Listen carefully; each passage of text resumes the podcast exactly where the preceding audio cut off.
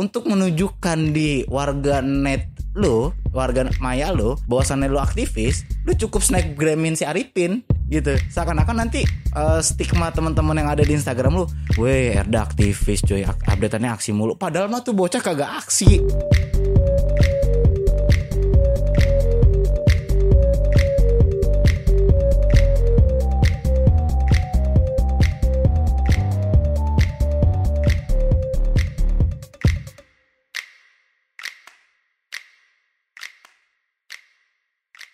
Oke, uh, selamat malam teman-teman. Assalamualaikum warahmatullahi wabarakatuh. Balik lagi bareng gue Erda Pratama di podcast dari nol. Ini gue kebetulan lagi ditemenin bareng teman-teman gue, ya mahasiswa lah ya, dari berbagai macam kampus dan daerah. Kurang lebih ada bertiga di sini mereka. Berarti berempat sama gue. Paling langsung aja gue kenal mereka. Cuma sebelum itu biar teman-teman gue juga kenal gue gitu. Nah, oke, okay, gue tuh namanya Iya kayak kan iya kan gue kan bikinnya bukan untuk terkenal gitu. Nah, jadi nama gue Muhammad Rida Pratama, lu bisa panggil gue Erda. Gue asal dari Banjarbaru, Kalimantan Selatan. Nah, sekarang gue kuliah di Bandung di Politeknik Kesejahteraan Sosial Bandung. Jurusannya itu Diploma 4 Pekerjaan Sosial. Nah, kayaknya cukup ya. Nah, ini samping gue dah kenalan dulu. Ya, perkenalkan nama saya Roy. Asal kampus dari kampus Algipari, jurusannya jurusan sastra Inggris, Fakultas Sastra. E, domisilinya sebetulnya agak menarik ya, namanya Roy tapi kampus apa namanya? Domisilinya Bandung. Harusnya kan lebih ke nyuna-nyunaan gitu loh, kayak Wawan. Biasanya kan kata-katanya tuh double-double begitu. Ya kan? Gitu. Ya, lanjutnya sebelah saya Oke, selamat malam teman-teman diskusi uh, para followersnya Erda. Perkenalkan nama gue Deka dari Jakarta, uh, domisili tempat lahir di Ciputat. Hari ini gue lagi kuliah di kampus UIN Jakarta, Fakultas Komunikasi, jurusan Kesejahteraan Sosial yang biasa disingkat KESO. Sama lah gue sama Erda Kesos cuman yang bedain adalah gue S1 si Erda D4 gitu. Cuman kalau masalah hoki atau nasib kayaknya Erda lebih bagus ya karena banyak doi di Kemensos dibandingkan gue. Oke deh. Iya bro. Lu komen ke Kemensos jebolan Politeknik Kesos semua isinya. Uh, mungkin itu ya. Uh, ini lanjut dari temen gue yang samping. Gue bingung kalau mau perkenalan ya. Ya udah deh karena ini harus banget gitu ya formal ada kenal kenalan ya panggil aja gue biasa panggil kalau enggak sayang ya ayah bisa lah. Tapi bener nama gue Arifin. Bukan Arifin Ilham juga ya karena gue bukan ustad gitu. Gue hanya masyarakat biasa ya kalau dikatakan masyarakat lemah lemah juga sih gue gitu. Kalau kuliah gue kan kerennya sih di Universitas Pajajaran. Universitas Pajajaran iya. Nah, nah, nah. jurusan gua sih ilmu hukum kalau mau formalnya tapi kayaknya orangnya melanggar hukum terus ini. Nggak tertib ya. Atau mungkin gua salah jurusan juga. Ya Nah bisa jadi gue kayak mungkin gitu ya apa namanya? Apa? Oh iya. Gue gue sih kalau di kakak asalnya dari Purwakarta tapi nggak tahu itu kakaknya palsu atau asli. Gue belum nanyain ke orang tua gue soalnya. Kakaknya nembak ya? Kayaknya nembak di Sucapil lihat belakang goceng gocap gitu kan. Ya mungkin gitu ya. Ya. Udah ya kenalan. Udah kayak seminar ini. Diskusi panelis. Kayak bingung kita nih mau ngomongin apa cuma karena suasananya suasana suasana apa ya awal tahun gitu ya. Jadi kita harus biar upaya refleksi kita harus ngomongin yang dekat dari kita yaitu peran kita lah gitu kan. Karena ini kan kebetulan ngumpul nih teman-teman dari kampus-kampus di berbagai daerah gitu. Harapannya nanti punya pandangan masing-masing lah. Kita kan sebagai mahasiswa kupu-kupu ya. Kuliah pulang kuliah pulang gitu kan. Gimana sih lah Oh ya lu ngekos ya? Kura-kura. Kura rapat, kura rapat ya. Atau kunang-kunang. Kuliah nangkring, kuliah nangkring gitu. Iya iya iya. Ya jangan dikukukuin nanti. Nah, uh, sebenarnya gue mau ngomongin lah menurut teman-teman ya kita kan mahasiswa biasa nih di mana yang namanya mahasiswa itu nggak jauh dari yang namanya gerakan maksudnya gerakan tuh apa? Gerakan untuk kalau kata anak-anak KSS semua mensejahterakan masyarakat gitu. Karena kan pada dasarnya mahasiswa itu kan adalah generasi elit di kalangannya. Di mana di satu sisi dia bisa naik ke atas yaitu komunikasi dengan pemangku jabatan. Di satu sisi dia juga harus turun ke bawah yaitu ke masyarakat ya kan? Nah melihat fenomena sekarang menurut teman-teman itu gimana sih pandangan terhadap gerakan-gerakan mahasiswa yang sekarang gitu? Apakah masih relevan? Apakah disorientasi ataukah masih masih bagus-bagus aja gitu. Nah paling gue mau dari temen yang langsung di pusaran gerakan itu sendiri yaitu di Jakarta gitu kan. Walaupun kita kan di Bandung Bandung kota pergerakan kan. Bandung lautan api kan. Bandung berisik gitu. Nah cuma karena kita harus hargai tamu ya kan? Jadi dia dulu yang harus ajak ngomong gitu kan. Beb jatuhnya ditembak ya udah ntar eh, bebas lu mau ngomongin apa yang penting nggak jauh dari apa yang kita bicarakan. Oke nah ini. Baik kalau ngebahas tadi yang disampaikan sama host kita Erda gitu terkait eh, dunia kemahasiswaan bagaimana mahasiswa hari ini yang identik katanya dengan gerakan terus posisi mahasiswa yang berada di tengah bisa melakukan top down dan button up gitu kan. Eh bener ada bener juga disampaikan sama Erda tadi. Kalau menurut gua pribadi ini sih subjektif gua ya terkait gerakan mahasiswa hari ini eh, khususnya di ibu kota kalau gua lihat itu udah mengalami disorientasi baik itu dari skala organisasi internal kampus maupun organisasi ekstra ya. Maksud gua ya hari ini mahasiswa yang bergerak itu bukan benar eh, sebagian besar mereka hanya sebatas mengalami orientasi yang keliru gitu. Mereka bergerak ketika ada suatu yang bisa mereka take gitu atau ada sistem take and give. Gua gerak, gua dapat apa gitu. Jadi ketika eh, orientasi tersebut tidak jelas, maka pergerakan pun juga ya ya udah nggak masif gitu. Dan ini pun terjadi ternyata di ibu kota Eh, di akhir-akhir tahun kemarin waktu lagi rame-ramenya aksi reformasi di korupsi itu gua pribadi dari UIN ikut full bahkan ya alhamdulillah gitu korlap gitu ya cuman ya memang alhamdulillah untuk teman-teman UIN itu tetap konsisten sampai terakhir sampai benar-benar eh, di saat teman-teman kampus yang lain udah kok Almet ini nggak ada ya? Kok warna ini kemarin ramai kok sekarang sepi ya? Gitu kan. Ya udah ya namanya gerakan kalau kita apa namanya ada suatu hal yang memang harus diperjuangkan dan itu urgent ya bagi gue ya kenapa harus berhenti gitu. Jangan karena di aksi hari pertama aksi hari kedua ada hari ketiga udah nggak ada. Itu kan tanda tanya besar ke mana gitu ya ternyata info-infonya banyak yang beredar bahwasannya adalah yang ditahan sama pihak kampus adalah yang eh, ditahan sama ya senior senior mungkin yang punya kepentingan kayak gitu. Ya akhirnya eh, nilai atau value yang diperjuangkan kemarin pun ya sia-sia gitu aja. Makanya perbedaannya mungkin ini ya terkait gerakan mahasiswa zaman dulu dengan zaman now nih gitu kan teman-teman mahasiswa zaman dulu di era 96 era-era tahun 90-an yang hari ini katanya eh, tokoh reformasi ya memang mereka dulu orientasinya nggak nggak seperti ini. Mereka tetap konsisten. Perjuangan reformasi 98 itu nggak terjadi di tahun 98-nya aja tapi perjuangan itu panjang dari tahun 96 gitu. Dan mereka tetap konsisten bergerak eh, walaupun dengan SDM yang seadanya tapi menunjukkan konsistensi penting seperti itu. Itu sih kalau yang ada di ibu kota gitu Thank you ya. Eh, berarti nggak jauh beda sebenarnya sama apa yang ada di Bandung. Nah, gue curiga jangan-jangan itu tuh apa ya? Disorientasi gerakan mahasiswa itu melanda seluruh daerah bahkan ya di setiap kampus-kampus. Karena memang gue mikir gini, ada ada ada ada pergeseran paradigma gitu dalam apa pun yang kita lakukan sekarang. Karena ngomongin gerakan itu kan ya adalah satu bagian dari proses politik ya nggak sih? Yang di mana proses politik kan take and give ada benar juga lu dapat apa eh gue dapat apa ketika lu gue gerak. Dan itu hal yang wajar. Cuma alangkah tidak substansialnya apabila orientasi kita tuh hal yang pragmatis gitu ya gak sih? Nah nah jadi eh ya tadi berarti gue menyimpulkan kalau kita lihat poros di Jakarta ya udah begitu apalagi di di teman-teman yang lain gitu kan. Misalnya gue Bandung ya kan. Nah ngomongin Bandung nih mungkin gue langsung aja lah ke teman-teman yang di poros ini emang di Bandung gitu. Kalau nggak Roy eh, Mas Arifin dulu yang ngomong. Udah yang terdekat lo Arifin nih.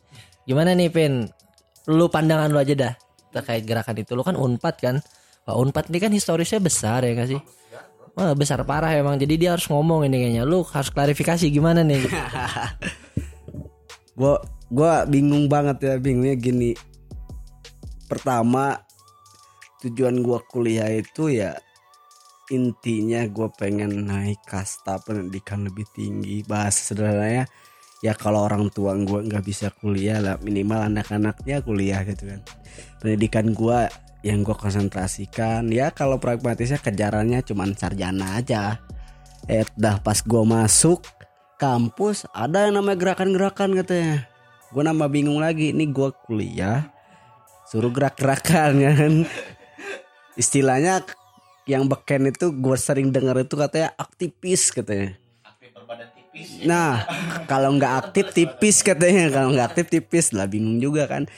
Dengan gua kan orangnya yang bisa dikatakan acuh enggak simpatik enggak empati apalagi enggak gue kan jadi bisa dikatakan kalau ada aktivis lawannya kan pasifis ya. Mungkin gua pasifis mungkin. Pasifis. Mungkin kalau Jakarta ada Pacific Place ya. Nah kalau gua pasifis personal ya. Apa dah? Nah itu emang benar. nah cuman pada posisinya gue sih iya iya aja sih dukung-dukung aja. Kalau ketika ada gerakan yang bau-baunya itu positif ketika memang dia pengen bantu hal yang sifatnya katakanlah memang perlu dibantu.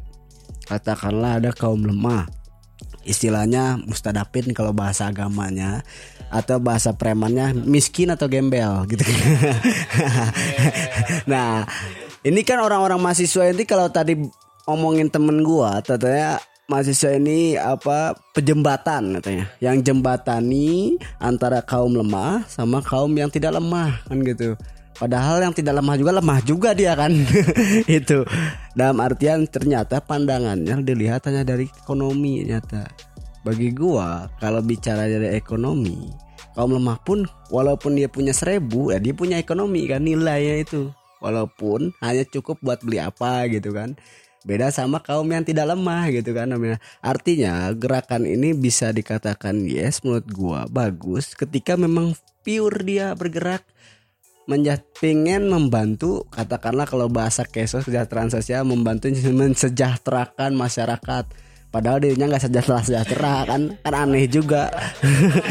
Masalah internalnya belum selesai kan ini coba-coba bantu masalah orang kan? Kayak ibaratnya lo jurusan hukum tapi lo melanggar hukum. Nah kayak gitu.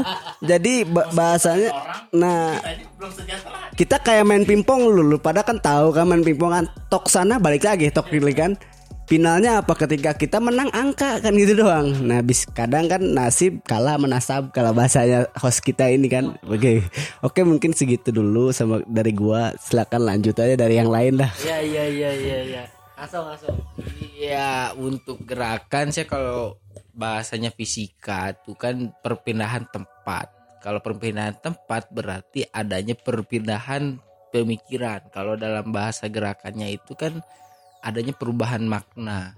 Kalau sekarang-sekarang ya harusnya kalau memang membicarakan terkait gerakan, gerakan apa sih yang sebetulnya yang bagi diri gua makanya ini agak sedikit tidak mau ikut campur dalam hal gerakan sebetulnya gerakan-gerakan yang gua gua lihat di Instagram ataupun di internet ataupun apalah maksudnya yang seperti media sosial bahkan kelihatannya seperti oh ini ternyata hasilnya adalah apa sih yang menjadikannya gerakan?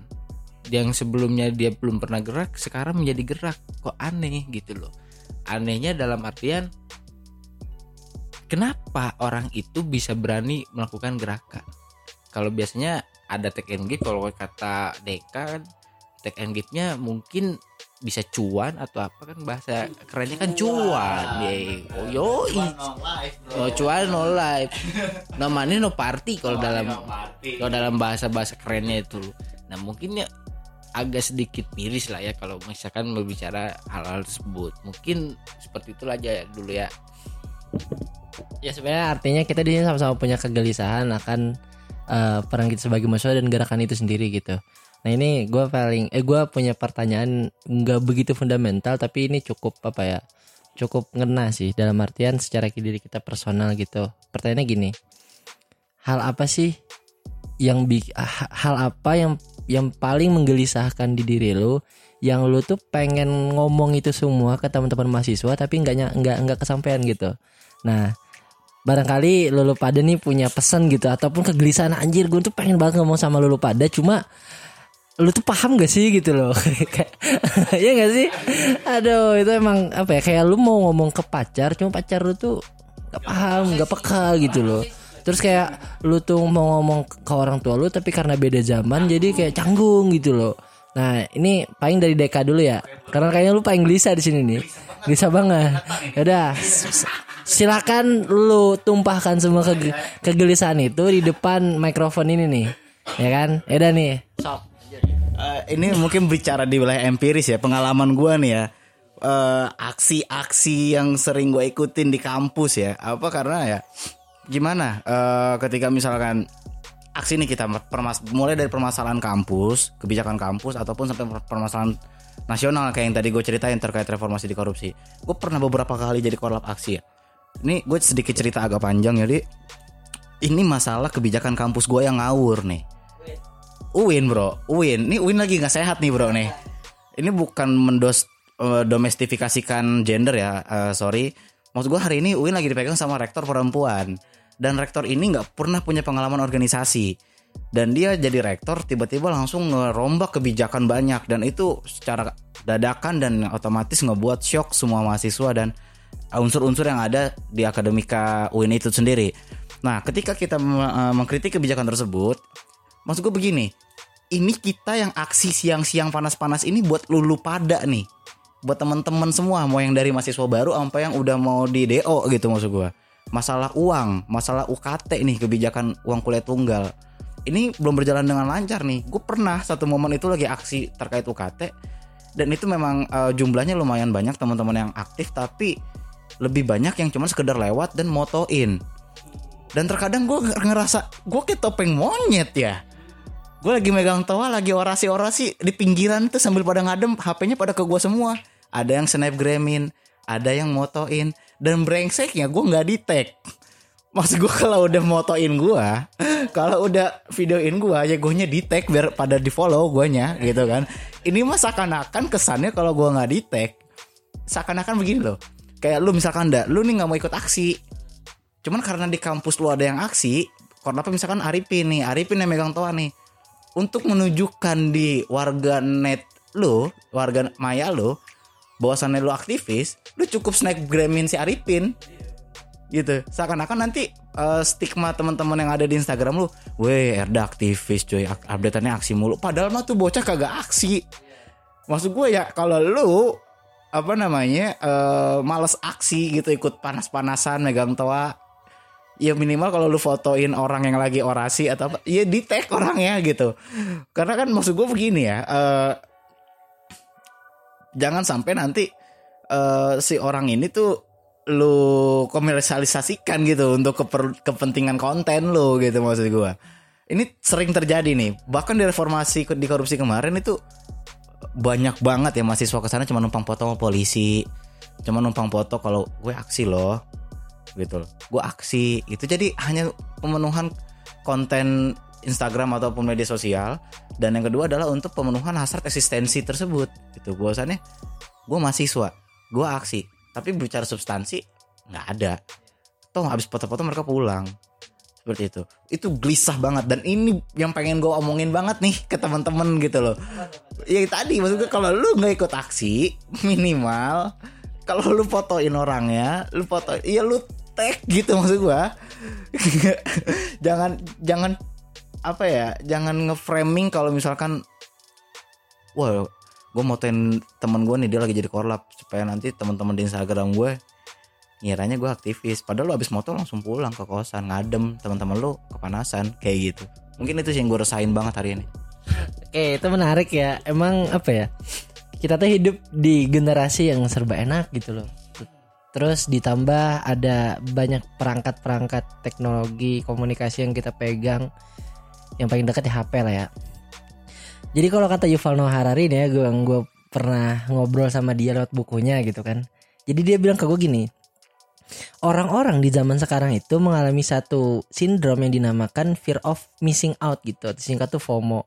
Di mana ketika dia itu sedang dalam kerumunan, dia kehilangan kesadaran dalam artian dia tidak ingin segalanya tuh ketinggalan gitu, paham gak sih lo?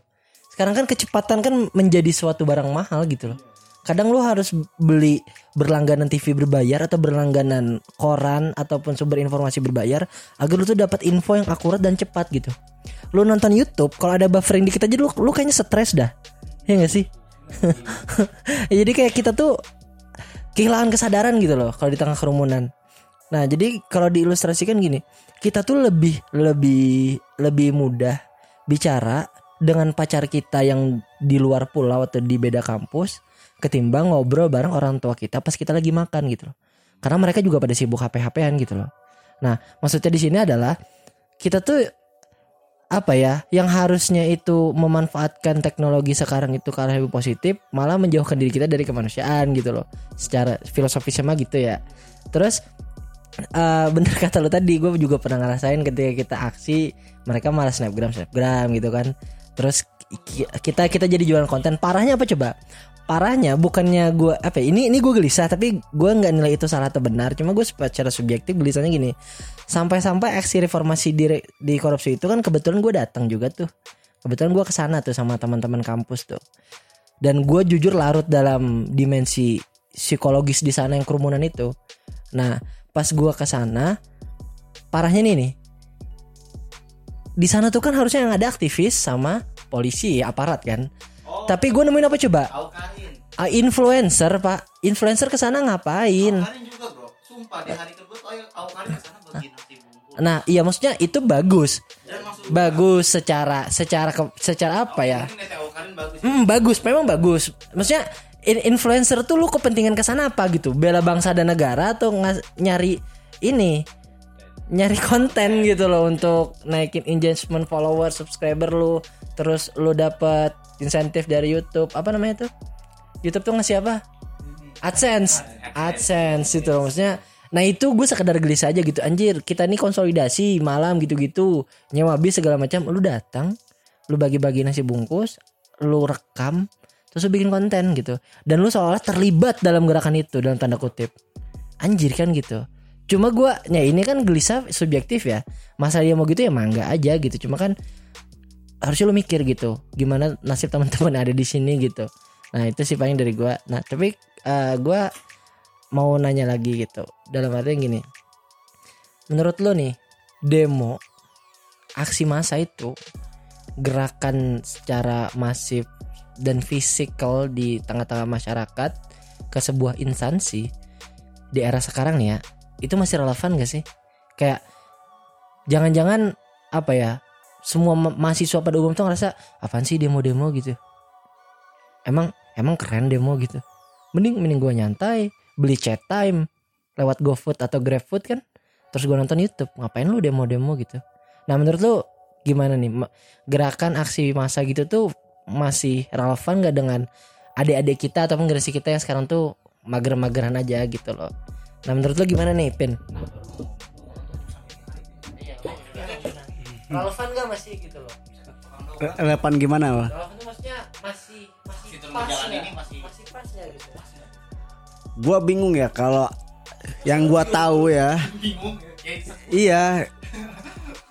Gua gua gua sedikit apa pakai istilah bingung itu karena tadi Isan Suketer itu kan.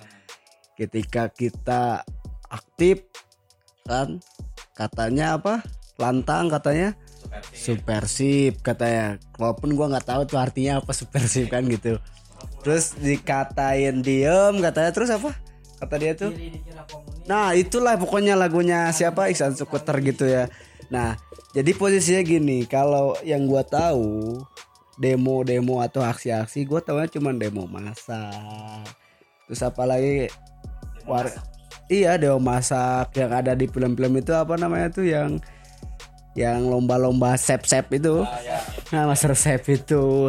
Tapi pada poinnya adalah ketika yuk turun katakanlah pengennya turun ke jalan kalau memang itu masih relevan ya so turun ke jalan Tapi kiranya tidak relevan, jangan turun ke jalan. Kenapa? Karena gini, ketika bicara passion, orang itu tidak selalu melulu punya passion di jalanan, Bu. Kenapa? Ada orang yang sukanya itu ngedit-ngedit foto, ada yang orang sukanya itu ngedit-ngedit video. Lah kenapa enggak dia jadi apa yang bantu itu demo di jalanan, nah ambil peran masing-masing. Kan begitu. Jadi ini semua demo shot ya, semua demo nggak punya passion semuanya orasi, gas air mata tembak bubar. Besoknya demo lagi bener bubar. Yang di atas kan tawak TV. Ah, mampus lu anjing. Nah, kan gitu ya kan. Gua tembak-tembakin lu kan. Bahkan yang namanya polisi kan saking saking gedegnya kan berani mukulin kan. Nah, artinya di sini polisinya ketika bicara relevan atau enggak menurut gua konteks kalau bahasa orang gaul ini revolusi apa industri itu bisa dikatakan relevan itu hanya di angka 43 30 40 persen lah jadi nggak penting-penting amat menurut gua. Karena bisa dikatakan ini sekarang itu bro demo udah by order sekarang itu. By order ini sekarang itu. Baik orderan dari dosen kan? Orderan senior seni lah senior mau kampus kayak ya mau organisasi bodo amat lah. Yang penting by order. Kalau bahasanya dek coba demo ini dek. Nah, nanti abang kasih nasi bungkus. Nah gitu bener ini gocap gocap nah kan? Itu kan sangat miris ya. Untung aja gua kagak kagak jadi aktivis kayak gitu maksudnya. Itu gua jadi ngapain juga anjir? nah iya. Nah, tahu-taunya kan senior itu kan dapat banyak dapat banyak juga senior kan yang dia yang bunga kunci di atas. Ini mau berhenti tapi mana mana mana kan. Nah, itu jadi Pak jadi sekarang itu banyak pekerjaan atau profesi yang baru sebenarnya. Social planner sekarang itu. Jadi bukan entrepreneur deh. Eh, bukan entrepreneur lagi. Gua gua, gua karena orang Sunda jadi ada D-nya aja gitu. nah, jadi posisinya sekarang itu ada profesi social planner. Beda sama entrepreneur, Bu. Entrepreneur kan usaha apa? Kalau social planner jualin pala anak orang. Yang aksi itu ya, dihitung palanya. Itu kalau ada 500 orang, satu satu satu kepala itu 50 ribu lumayan 50 juta, Wak, kan? Mantap banyak yang jadi koordinator itu punya Pajero apa kan kaya sendiri dia.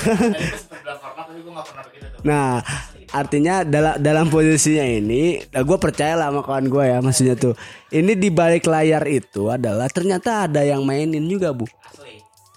Jadi yang sakit hatinya kan katakanlah kan gue turun nih ya panas-panas hujan-hujanan, baju sobek-sobekan, pala kalau di apa pentung darah da, darahnya sampai seemberan atau apa gitu. Emak nggak tahu di rumah. Taunya anaknya kan sekolah yang bener kan. Tahu-tahu tujuh tahun ya kan anaknya kuliah kan. nah suruh lulus justru jadi PNS. Mak kita iya kita ngeritik orang PNS kita jadi PNS. Jadi ya begitulah namanya apa roda itu berputar. Jadi polisinya yang gua gua sayangin ini nih senior senior ataupun siapalah itu namanya yang udah ya udah punya kepentingan kita punya jabatan atau pentingan apa pun. Jadi pekerjaannya bisa double degree dia. iya. Jadi kalau misalnya anggota dewan nih itu kerjaannya dewan ya double degree ya tadi social planner. Nah jual pala orang pak.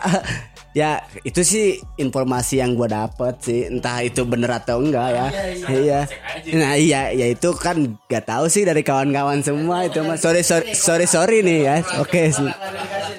gimana gimana, ini ini menarik ya. Maksud gue tadi teman gue nih Arif ini udah bilang nih makanya orang yang pengen jadi koordinator mungkin itu. Ya bener memang gitu. Maksud gue kayak gue sendiri pun pernah kan tadi di sesi sebelumnya nih gue bilang gue pernah jadi korlap di aksi-aksi beberapa aksi. Dan bahkan ketika sebelum pecahnya aksi reformasi di korupsi lagi eh, pertama kemarin itu itu kan ur- eh, urgensinya adalah menolak undang-undang KPK ya yang disahkan begitu cepat dan lu tahu teman-teman tahu nggak nih gue ketemu di lapangan dengan siapa gue ketemu dengan mahasiswa yang menyatakan diri pro terhadap kebijakan tersebut tandingan gitu ya Iya jadi be- di, di depan DPR itu nih nih gambarannya kemarin di ibu kota itu di depan DPR itu di persis di depan gerbang DPR itu adalah mobil barakuda. Di belakang mobil barakuda itu adalah eh, orang-orang mahasiswa yang pro terhadap kebijakan UU KPK. Nah sementara teman-teman yang kontra itu ada di depan. Jadi kita tuh fokus aksinya itu bukan ke gedung DPR, tapi fokus aksi kita ini apaan sih? Ini masa mahasiswa ini sono pro ini sini kontra. Gitu. Dan ternyata ditelisik ditelisik bener kata Arifin tadi. Ada social planner yang bermain di situ. Ternyata mereka mereka orang itu diberi ke, per kepala lima puluh ribu dibeliin almet lagi tapi almetnya nggak ada logonya. Cuman ber- berbagai macam variasi warna almet padahal itu juga bukan mahasiswa. Setelah setelah gue telisik ternyata mereka bukan mahasiswa. Mereka cuman ya sorry bukan untuk mendiskreditkan ya. Mereka adalah orang-orang putus sekolah yang memang anak jalanan tiba-tiba ditarik gitu. Koordinatornya tetap mahasiswa. Tapi si koordinator ini nariknya adalah gembelan-gembelan yang memang butuh duit ya.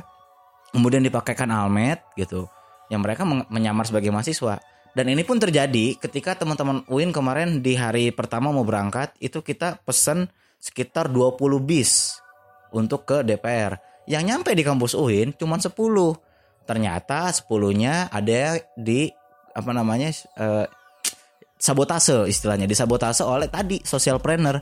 Diisi sama gembelan dong. Dan dengan PD-nya gembelan itu yang nyabotase bis kita lewat depan UIN. Akhirnya gue sebagai korlap gue stopin. Karena gue tahu itu mobil kita kita stopin. Gue tanya ini mau ke mana si orang yang menyamar jadi mahasiswa ini bilang mau ke DPR bang. Korlapnya siapa? Mereka bingung. Korlap siapa? Korlap. Lah ini berarti kan dia bener-bener diarahkan untuk naik ke bis itu jalan ke DPR tanpa harus tahu di DPR ngapain. Dan itu memang benar apa kata Arifin tadi ya fenomena-fenomena social planner itu pasti ada koordinatornya pasti ada second layernya. Dan second layernya itu adalah orang-orang yang punya kepentingan seperti itu jadi benar kalau orang-orang mungkin ya katakanlah orang DPR atau orang partai yang punya kepentingan dia bisa double job gitu maksudnya di satu sisi jobnya sebagai legislator atau sebagai eksekutor tapi di luar itu ya tadi social planner begitu Nah, iya betul. Maksud gua fenomena aktivis bayaran ini nih yang membahayakan. Maksud gua begini, ini berkaca dari aksi kemarin. Teman-teman mahasiswa ataupun teman-teman pelajar di aksi reformasi korupsi kemarin itu kan semua ngebaur ya elemen ya. Ada mahasiswa, ada pelajar, ada warga bahkan ikutan juga.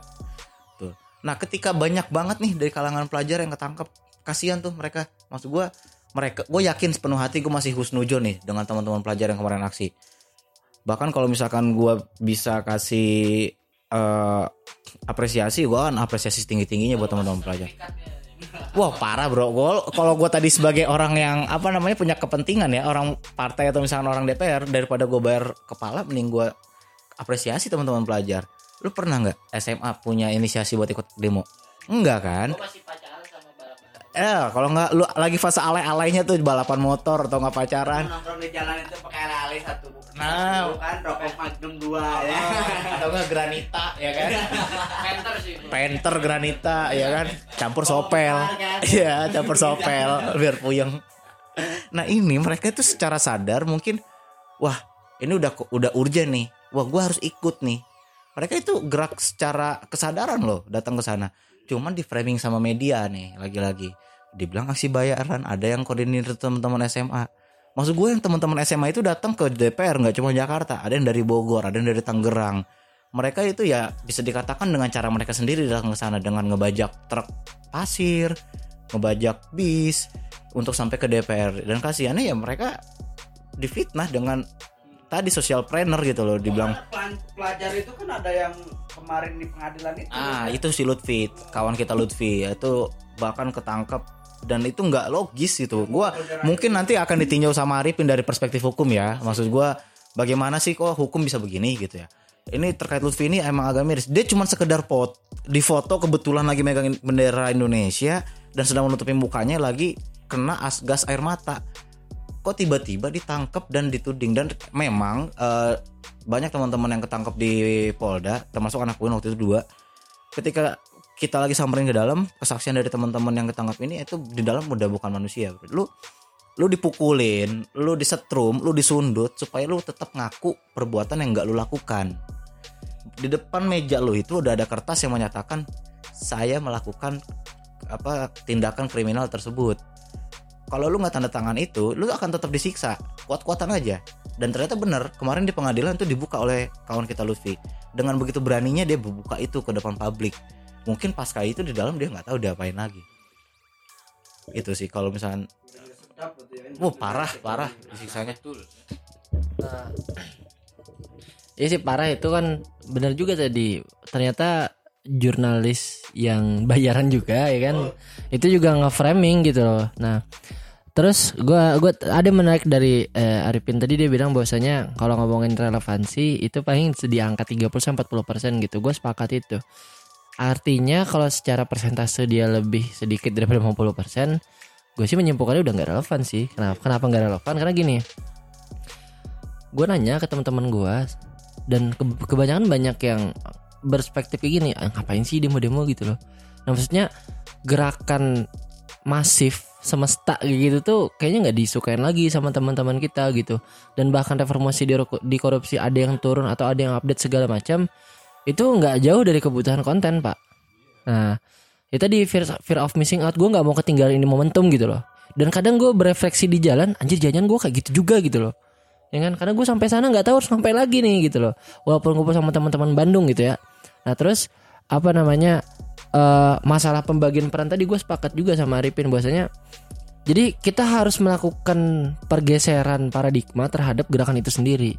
Kalau sekarang tuh kalau teman-teman cek nih ya gue bisa buktikan ini lembaga atau instansi pemerintahan itu lebih takut diviralkan daripada digedor pagarnya lembaga tuh lebih takut viral pak tapi kan yang jadi masalah pilar keempat demokrasi kita ini yang kadang kacau juga yaitu jurnalis, jurnalistik atau lembaga-lembaga pers. Di framing lagi itu kan yang yang nggak enaknya gitu loh. Nah, jadi kita sebagai mahasiswa ini ya kita harus sebenarnya bukannya gua ngasih solusi sebenarnya nggak bukan solusi cuma hemat gue gini. Kalau memang lu mau mengkritik sesuatu hal kita harus kreatif gitu loh.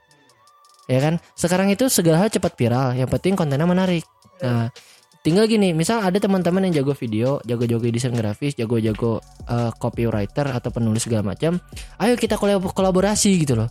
Maksudnya gerakan kita nggak apa-apa lah 10 orang yang gedor pagar ya kan? Tapi sisanya itu booming sosial media gitu loh. Kita blow up itu. Ya kan? Nah agar apa? Agar isu-isu itu tidak tenggelam gitu kan. Ya oke lah oh isu itu ngangkat cuma berakhir di mana coba? Di meja press conference klarifikasi atau didiskusikan di LC udah beres gitu loh. Iya nggak sih? Kayak udah udah press conference mah kan beberapa presma itu rebutan nyari kursi duduk di LC itu pak. Ke mana nih? Ke Cina atau ke mana? Nggak nggak nggak. Itu itu sisi lain ya. Ya mak- maksud gue gitu. Artinya kita sepakat bahwasanya gerakan kayak gitu udah nggak relevan lagi. Tinggal bagaimana caranya kita coba merelevansikan dengan generasi kita gitu loh. Kita tuh hidup dikelilingi teknologi gitu teknologi informasi. Ayolah teman-teman TI coba kasih kontribusi. Ayolah teman-teman teman-teman hukum kasih analisa kebijakan. Ayolah teman-teman sastra kasih eh, apa namanya ya untayan-untayan puitis pujangga-pujangga terhadap fenomena masyarakat di sini gitu Nah, ayolah teman-teman Kesos ataupun Peksos coba kontribusi terhadap kesejahteraan masyarakat gitu kan. Maksudnya benar juga kadang kata orang-orang lu nggak harus turun aksi gitu. Tapi komanya ini yang harus kita pertanyakan lu bisa kasih apa tapi itu loh. Ya nggak sih? Nah, maksudnya kalau kita bisa kolaborasi kolaborasikan itu itu jadi gerakan semesta, Pak. Artinya setiap lini itu merasakan hal yang sama dan dia berbuat hal yang sama juga gitu bisa lu boomingin di sosial media diviralkan. Coba lu masuk ke lembaga jurnalistik untuk ngeviralkan juga gitu kan. Dan kayaknya lu semua ini pasti punya akun Instagram gitu loh. Bahkan Twitter apa bahkan apa kan. Nah itu senjata lu tuh itu gitu loh. Ya gak sih? Senjata lu itu lu nggak harus ke Jakarta gitu loh. Tapi kan lu bisa coba bombardir itu dengan hashtag dengan apa gitu kan. Nah itu yang bagi gue tuh walaupun itu dilakukan cuma kok nggak semasif yang seharusnya gitu kan. Nah, Maksudnya ada pergeseran paradigma itu. Nah kita harus coba lakukan itu semua gitu. Terus apa namanya Tadi benar juga masalah aktivis bayaran itu ya Sebagai aktivis itu lumrah gitu. Cuma itu kan tidak kita harapkan gitu loh bos. Dan kita juga harus muh- muhasabah diri gitu. Jangan Kalau bisa kita jangan sampai kayak mereka-mereka yang udah di atas gitu kan. Jangan sampai kayak mereka-mereka yang di atas Kita tahu pola ya kita lakukan juga gitu kan. Gitu. Nah terlepas dari itu gue mau minta diskusiin atau tanggapan lagi nih terkait eh, kita kan bergerak itu kan di ranah organisasi ya nggak sih? Kita kan nggak bawa individu tuh tapi kita bawa organisasi baik itu kampus BEM DPM ataupun ekstra. Nah menurut teman-teman nih organisasi ekstra ya kan itu masih relevan nggak? Nah ini kita tiktok aja nyambung aja. Mungkin yang tadi diem nih kan kita kasih panggung lah kan? Anjir kita, kita, kita kasih panggung. Nah organisasi organisasi ekstra itu masih relevan nggak gitu? Untuk melakukan gerakan yang masif juga gitu. Oke mereka punya se- sejarah tapi apakah sejarah itu sekarang masih kita jiwai spiritnya atau hanya sekedar mau monumen yang hebat aja yang ada di museum gitu? Nah menurut lo gimana nih Roy? Oke, inilah ya untuk masalah organisasi-organisasi ekstra ataupun intra. Kalau organisasi ekstra kalau dalam bahasa mi itu kan lebih enak ya kan. Mi istri ekstra dua ya kan lebih enak begitu. Double. Banyak lagi enak lagi pula kalau itu. Kalau bedanya sama organisasi ekstra mi sorry mi dengan organisasi ekstra itu sebetulnya relevansinya dikit sekarang itu. Kalau untuk or- organisasi ekstra sebetulnya paradigmanya harusnya lebih diganti lagi. Kalau diganti masalah cuma hanya sebatas kajian ataupun hanya sebatas aksi ataupun apa ya. Maksud gua kalau untuk relevansinya ya kecil sekali gitu loh. Kalau untuk ya mungkin termasuk organisasi internal kalau lebih bagusnya adalah sekarang itu lebih bagus memperkaya di bidang unit kegiatan ma- mahasiswa UKM bukan UKM itu dalam artian sebatas pencarian suara di pemilihan presma itu yang salah. Nah, kalau ekstra apalagi suara-suara yang sumbang tuh banyak muncul ya kan kayak lagu lagu yang sumbang yang pengen apa ya pengen viral tapi suaranya agak aneh begitu kan kayak band-band yang ala ala yang nggak jelas-jelas gitulah. Nah maksud gua itulah maksud yang menjadi tolak ukur sekarang. Apalagi organisasi ekstra ekstra mi boleh lah. Kalau menurut lu nih gimana Deka terkait organisasi ekstra itu masih relevan gak sih di tengah zaman adik-adik kita ini gitu? Dan kita kita lah yang masih muda-mudi semangat juangnya tinggi tapi bingung caranya gimana. Itu sekali lagi gua katakan organisasi ekstra itu masih relevan gak gitu. Mungkin lu bisa kasih contoh-contohnya apa aja itu kan untuk pertanyaan ini gue jawab secara singkat padat dan jelas ya. Maksud gue ya kayak relevan gak sih organisasi ekstra ataupun in- eh, ekstra sih ya titik eh, fokusnya. Enggak lah ya, bubar aja mendingan. Maksud gue hari ini tuh benar kata lu tadi. Eh kita udah dikelilingi dengan teknologi ya. Manfaatkanlah teknologi itu sebaik mungkin. Bukan eh, bukan berarti ada sentimen atau gimana. Eh, tadi gue mengeluarkan argumen bubar aja karena realitanya begitu, Bro. Gue pernah eh, berapa minggu yang lalu ini dekat nih dengan teman-teman Bandung ya di Bandung itu belum lama ada peristiwa Taman Sari bener nggak sih? Teman-teman Taman Sari melawan itu berjuang dari yang di Bandung sampai mereka ke Jakarta bro. Dan kebetulan pas mereka ke Jakarta gue nemenin teman-teman Taman Sari melawan. Dan gue kumpul di LBH di gedung LBH Jakarta ya untuk melihat kondisi terus habis itu ya nanya lah terkait perjuangan mereka di sana terus udah sejauh mana prosesnya gitu kan. Ya toh gua nggak menemukan nggak menemukan yang apa ya organisasi ekstra itu di mana gitu maksud gua. Organisasi ekstra tuh nggak ada di situ tuh. Mungkin tadi di po- poin awal ya nggak ada take and give kali ya gitu ya. Maksud gua di situ ada bener-bener orang yang bukan organisasi ekstra tapi memang mereka dia merasa wah gue empati gue simpati dan gue harus terlibat langsung dalam perjuangan ini. Bahkan ada beberapa orang-orang yang ya dia nggak kuliah tapi dia tetap bersama membela eh, warga Taman Sari ya gitu. Ya banyak juga teman-teman gue di sana. Ya jadi maksud gue ya relevansinya di mana hari ini keadaan organisasi ekstra kalau hanya untuk terjebak di romantisme sejarah? Maksud gue ya ya disorientasi lah gitu. Bullshit gitu kalau lu berjuang tapi nggak ada take and give gitu ya money oriented gitu. Jadi kalau lu kayaknya pada pengen bergerak itu ya harus ada deal dulu nih habis gerak gue dapat apa nih baru lu gerak. Kayak gitu sih. Mungkin gini ya untuk kasus Taman Sari mungkin aneh sih aku singkat aja ya atau gua singkat aja. Kalau kasus Taman Sari kan sebenarnya ITB itu Ikatan Taman Sari Bawah. Nah Taman Sari Bawah kan tuh yang sangat simpel begitu kan tempatnya adalah di bawah percis di di jembatan Pasopati ya menurut gua untuk untuk aksi ataupun gerakan di Taman Sari Bawah itu sebetulnya pure dari masyarakat. Ada yang pure dari masyarakat, ada yang mengambil kepentingan betul tadi. Kalau masalah eh, gerakan berbasis keuangan atau basis uang lah. Nah maksud gua kalau untuk gerakan-gerakan sendiri ya minimal ada kontribusi kepada masyarakat untuk organisasi ekstra ya kalau betul kata Deka tadi. Ya seharusnya jangan jangan sejarah penting namun untuk sejarah itu bukan kita hanya sebatas romantis romantisme sejarah itu digaung-gaungkan bosnya oh ini saya organisasi udah tua loh Oh, organisasi, organisasi saya tuh punya jabatan di di dewan-dewan ataupun apa kalau dewan kampus sih oke sih kalau nggak apa-apa dewan, dewan kampus ya. Tapi ya intinya untuk gerakan-gerakan sekarang kalau betul-betul pure kepada masyarakat boleh is okay tapi untuk gerakan kepentingan terhadap uang aduh mungkin salah tempat bro.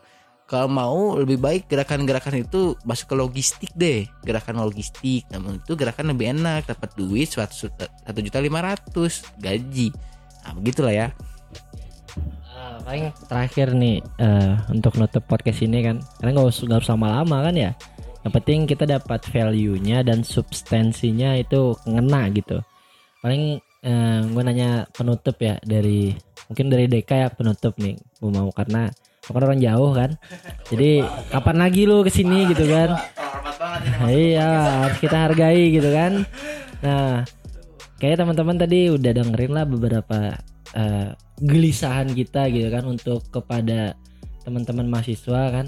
Kepada para mahasiswa. Aja intinya itulah ya. Nah mahasiswi. itu termasuk gitu. Karena kita kan m- apa ya mema- memahami betul kesesuaian gender gitu. Jadi mahasiswa ya tadi mahasiswa jadi ngapain kita sebut mahasiswi gitu kan. Oke paling terakhir nih gue mau Deka nih deh ngasih eh, closing statement lu deh gitu. Nah, sambil lu tutup juga nih ya podcast gitu. Mungkin pesan-pesan lu apa deh buat teman-teman di sana gitu. Eh, closing statement ya maksud gua gini. Karena ini topiknya tentang dunia aktivis terus tentang dinamika gerakan teman-teman mahasiswa belakangan ini eh, mahasiswa zaman now lah ya gitu. Eh udah deh lu jangan salah tempat gitu maksud gua. Kalau lu mau money oriented ya lu kerja gitu. Kalau lu mau money oriented ya lu lulus kuliah dulu abis itu lu kerja tetap ujung-ujungnya lu harus kerja. Jangan dijadikan organisasi di mana pun sebagai lahan lu nyari duit gitu maksud gua. Organisasi bukan buat tempat nyari duit tapi tempat buat lu belajar. Baik itu internal ataupun organisasi organisasi eksternal. Rasanya kurang pas gitu kalau lu menjadikan organisasi ini adalah ladang untuk lu memperkaya diri sementara tugas kita sebagai mahasiswa ada tridharma jangan lupa tuh.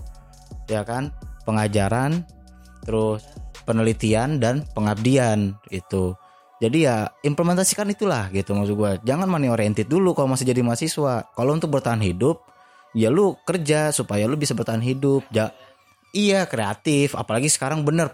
Poinnya adalah udah di era 4.0 ya teknologi udah banyak. Ini kayak Erda aja nih nyari duit sebenarnya dia bikin podcast ya kan dak iya walaupun belum ya belum dibayarin podcastnya ya Oh iya, salahnya Erda dia nggak pakai YouTube, dia pakainya podcast. Maksud gue hal kayak gini nih, yang lu lakuin hal sederhana tapi bisa menghasilkan gitu. Dan berdampak besar gitu. Janganlah lu jadikan eh, organisasi ini sebagai tu, batu loncatan buat lu nyari duit gitu. Dan jabat dari jabatan lu nyari duit gitu sih ya, gitu. Maksud gue eh Nah kalau nyari cewek ya alamiah aja gitu. Kalau lu ganteng, gak usah ikut organisasi juga lu dapet cewek gitu. Santai aja, selau gitu maksud gua. eh mungkin dari situ lah eh, kita mengalami kemunduran di nilai-nilai esensial terkait gerakan mahasiswa hari ini gitu. Oh satu lagi, eh benar eh, ngejawab pertanyaan Erda yang tadi belum gue jawab juga tuh terkait relevansi gerakan tadi masih ada yang kurang sebenarnya. Ya eh, teman-teman hari ini bisa beralih ke digital social movement ya. Maksud gua kayak mulai, mulai banyak nih eh, website-website kayak petisi gitu kan.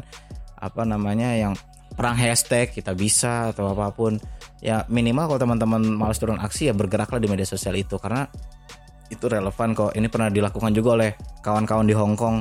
Gitu kan di Hong Kong juga terjadi aksi besar-besaran itu bukan dari apa namanya aksi yang turun ke jalan awalnya tapi mereka menggaungkan sebuah kasus itu di media sosial yang akhirnya menarik simpati warga dunia yang kemudian terjadilah aksi besar-besaran di situ. Di Mesir juga pernah terjadi. Nah Indonesia juga harusnya bisa gitu. Bukan bukan berarti nggak relevan. Relevan cuman perbedaan caranya aja gitu. Kalau zaman dulu mungkin di aktivis abang-abang kita tahun 96an itu belum ada media sosial kayak sekarang. Masih pakai pager. Pager itu ya nggak semua orang punya gitu karena harganya lumayan. Hari ini kan enak udah ada WhatsApp udah ada Line Instagram segala banyak lah tuh media sosial ya. Gunakan itu sebagai alat perjuangan gitu buat teman-teman. Jadi ya poinnya adalah jangan pernah mau jadi aktivis bayaran. Teman-teman harus tanamkan dalam diri teman-teman malu kalau harus jadi aktivis bayaran karena aktivis itu adalah kegiatan sosial bukan kegiatan yang eh, apa namanya menghasilkan uang ya gitu. Misalkan kayak lu turun karena dibayar gitu itu udah bukan nilai-nilainya lagi mungkin itu sih kalau dari gua mungkin ada tambahan lagi Mungkin kalau berbayar lebih lebih ke YouTube ya kan. Yo, itu premium berbayar sekarang. Oke, eh, thank you ya buat teman-teman eh, ini teman diskusi gue juga kan yang lagi di sini gitu. Makasih udah mau sharing-sharing kegelisahannya. Harapannya pesan ini tersampaikan gitu buat teman-teman ke eh, teman-teman mahasiswa gitu dan yang paling penting adalah share ini podcast gitu kan. Gua gua gua nggak minta subscribe nggak minta apa nggak apa cuma kalau lah ada memang kebaikan dan pesan baik di podcast ini ya lu kayaknya berkewajiban dan punya tanggung jawab moral untuk menyebarkan ke teman-teman lain gitu loh. Dan dan hmm. Kebenaran objektif gitu Iya, kali masih subjektif. Maka barangkali teman-teman pandangan lain Iya. ya silakan di share kemudian dihadirkan. Benar. Nah gitu. Karena kita kan gerakannya digital social movement kan, dan ini pun salah satunya gitu. Terus uh, apa pun yang kita omongkan sekarang belum tentu kita sepenuhnya benar gitu, karena kita uh, masih terbuka untuk kritikan dan kesalahan kan gitu.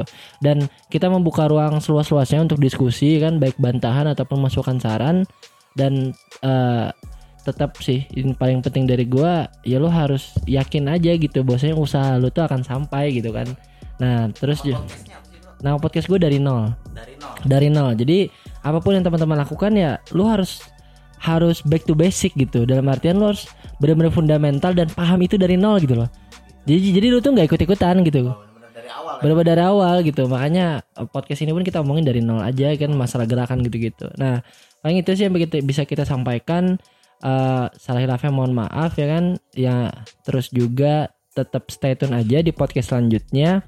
Dan kalau ada saran-saran mau bahas apa lu bisa DM gue lah di Erda Pratama atau IG lu apa Deka? Givari Deka atau Roy Bibisana atau Arifin lah gitu kan. Bebas lu atau mention gua di di Twitter kayak eh, Erda Pratama gitu kan. Pokoknya mudah lah ditemuin kita kita di sosial media. Ya itu aja sih dari kita Eh, tetap slow tetap nyantai jangan mau jadi aktivis bayaran tetap yakinkan dengan iman usahakan darimu sampai dengan amal. Bila taufiq wal hidayah wassalamualaikum warahmatullahi wabarakatuh. Oke selamat beristirahat teman-teman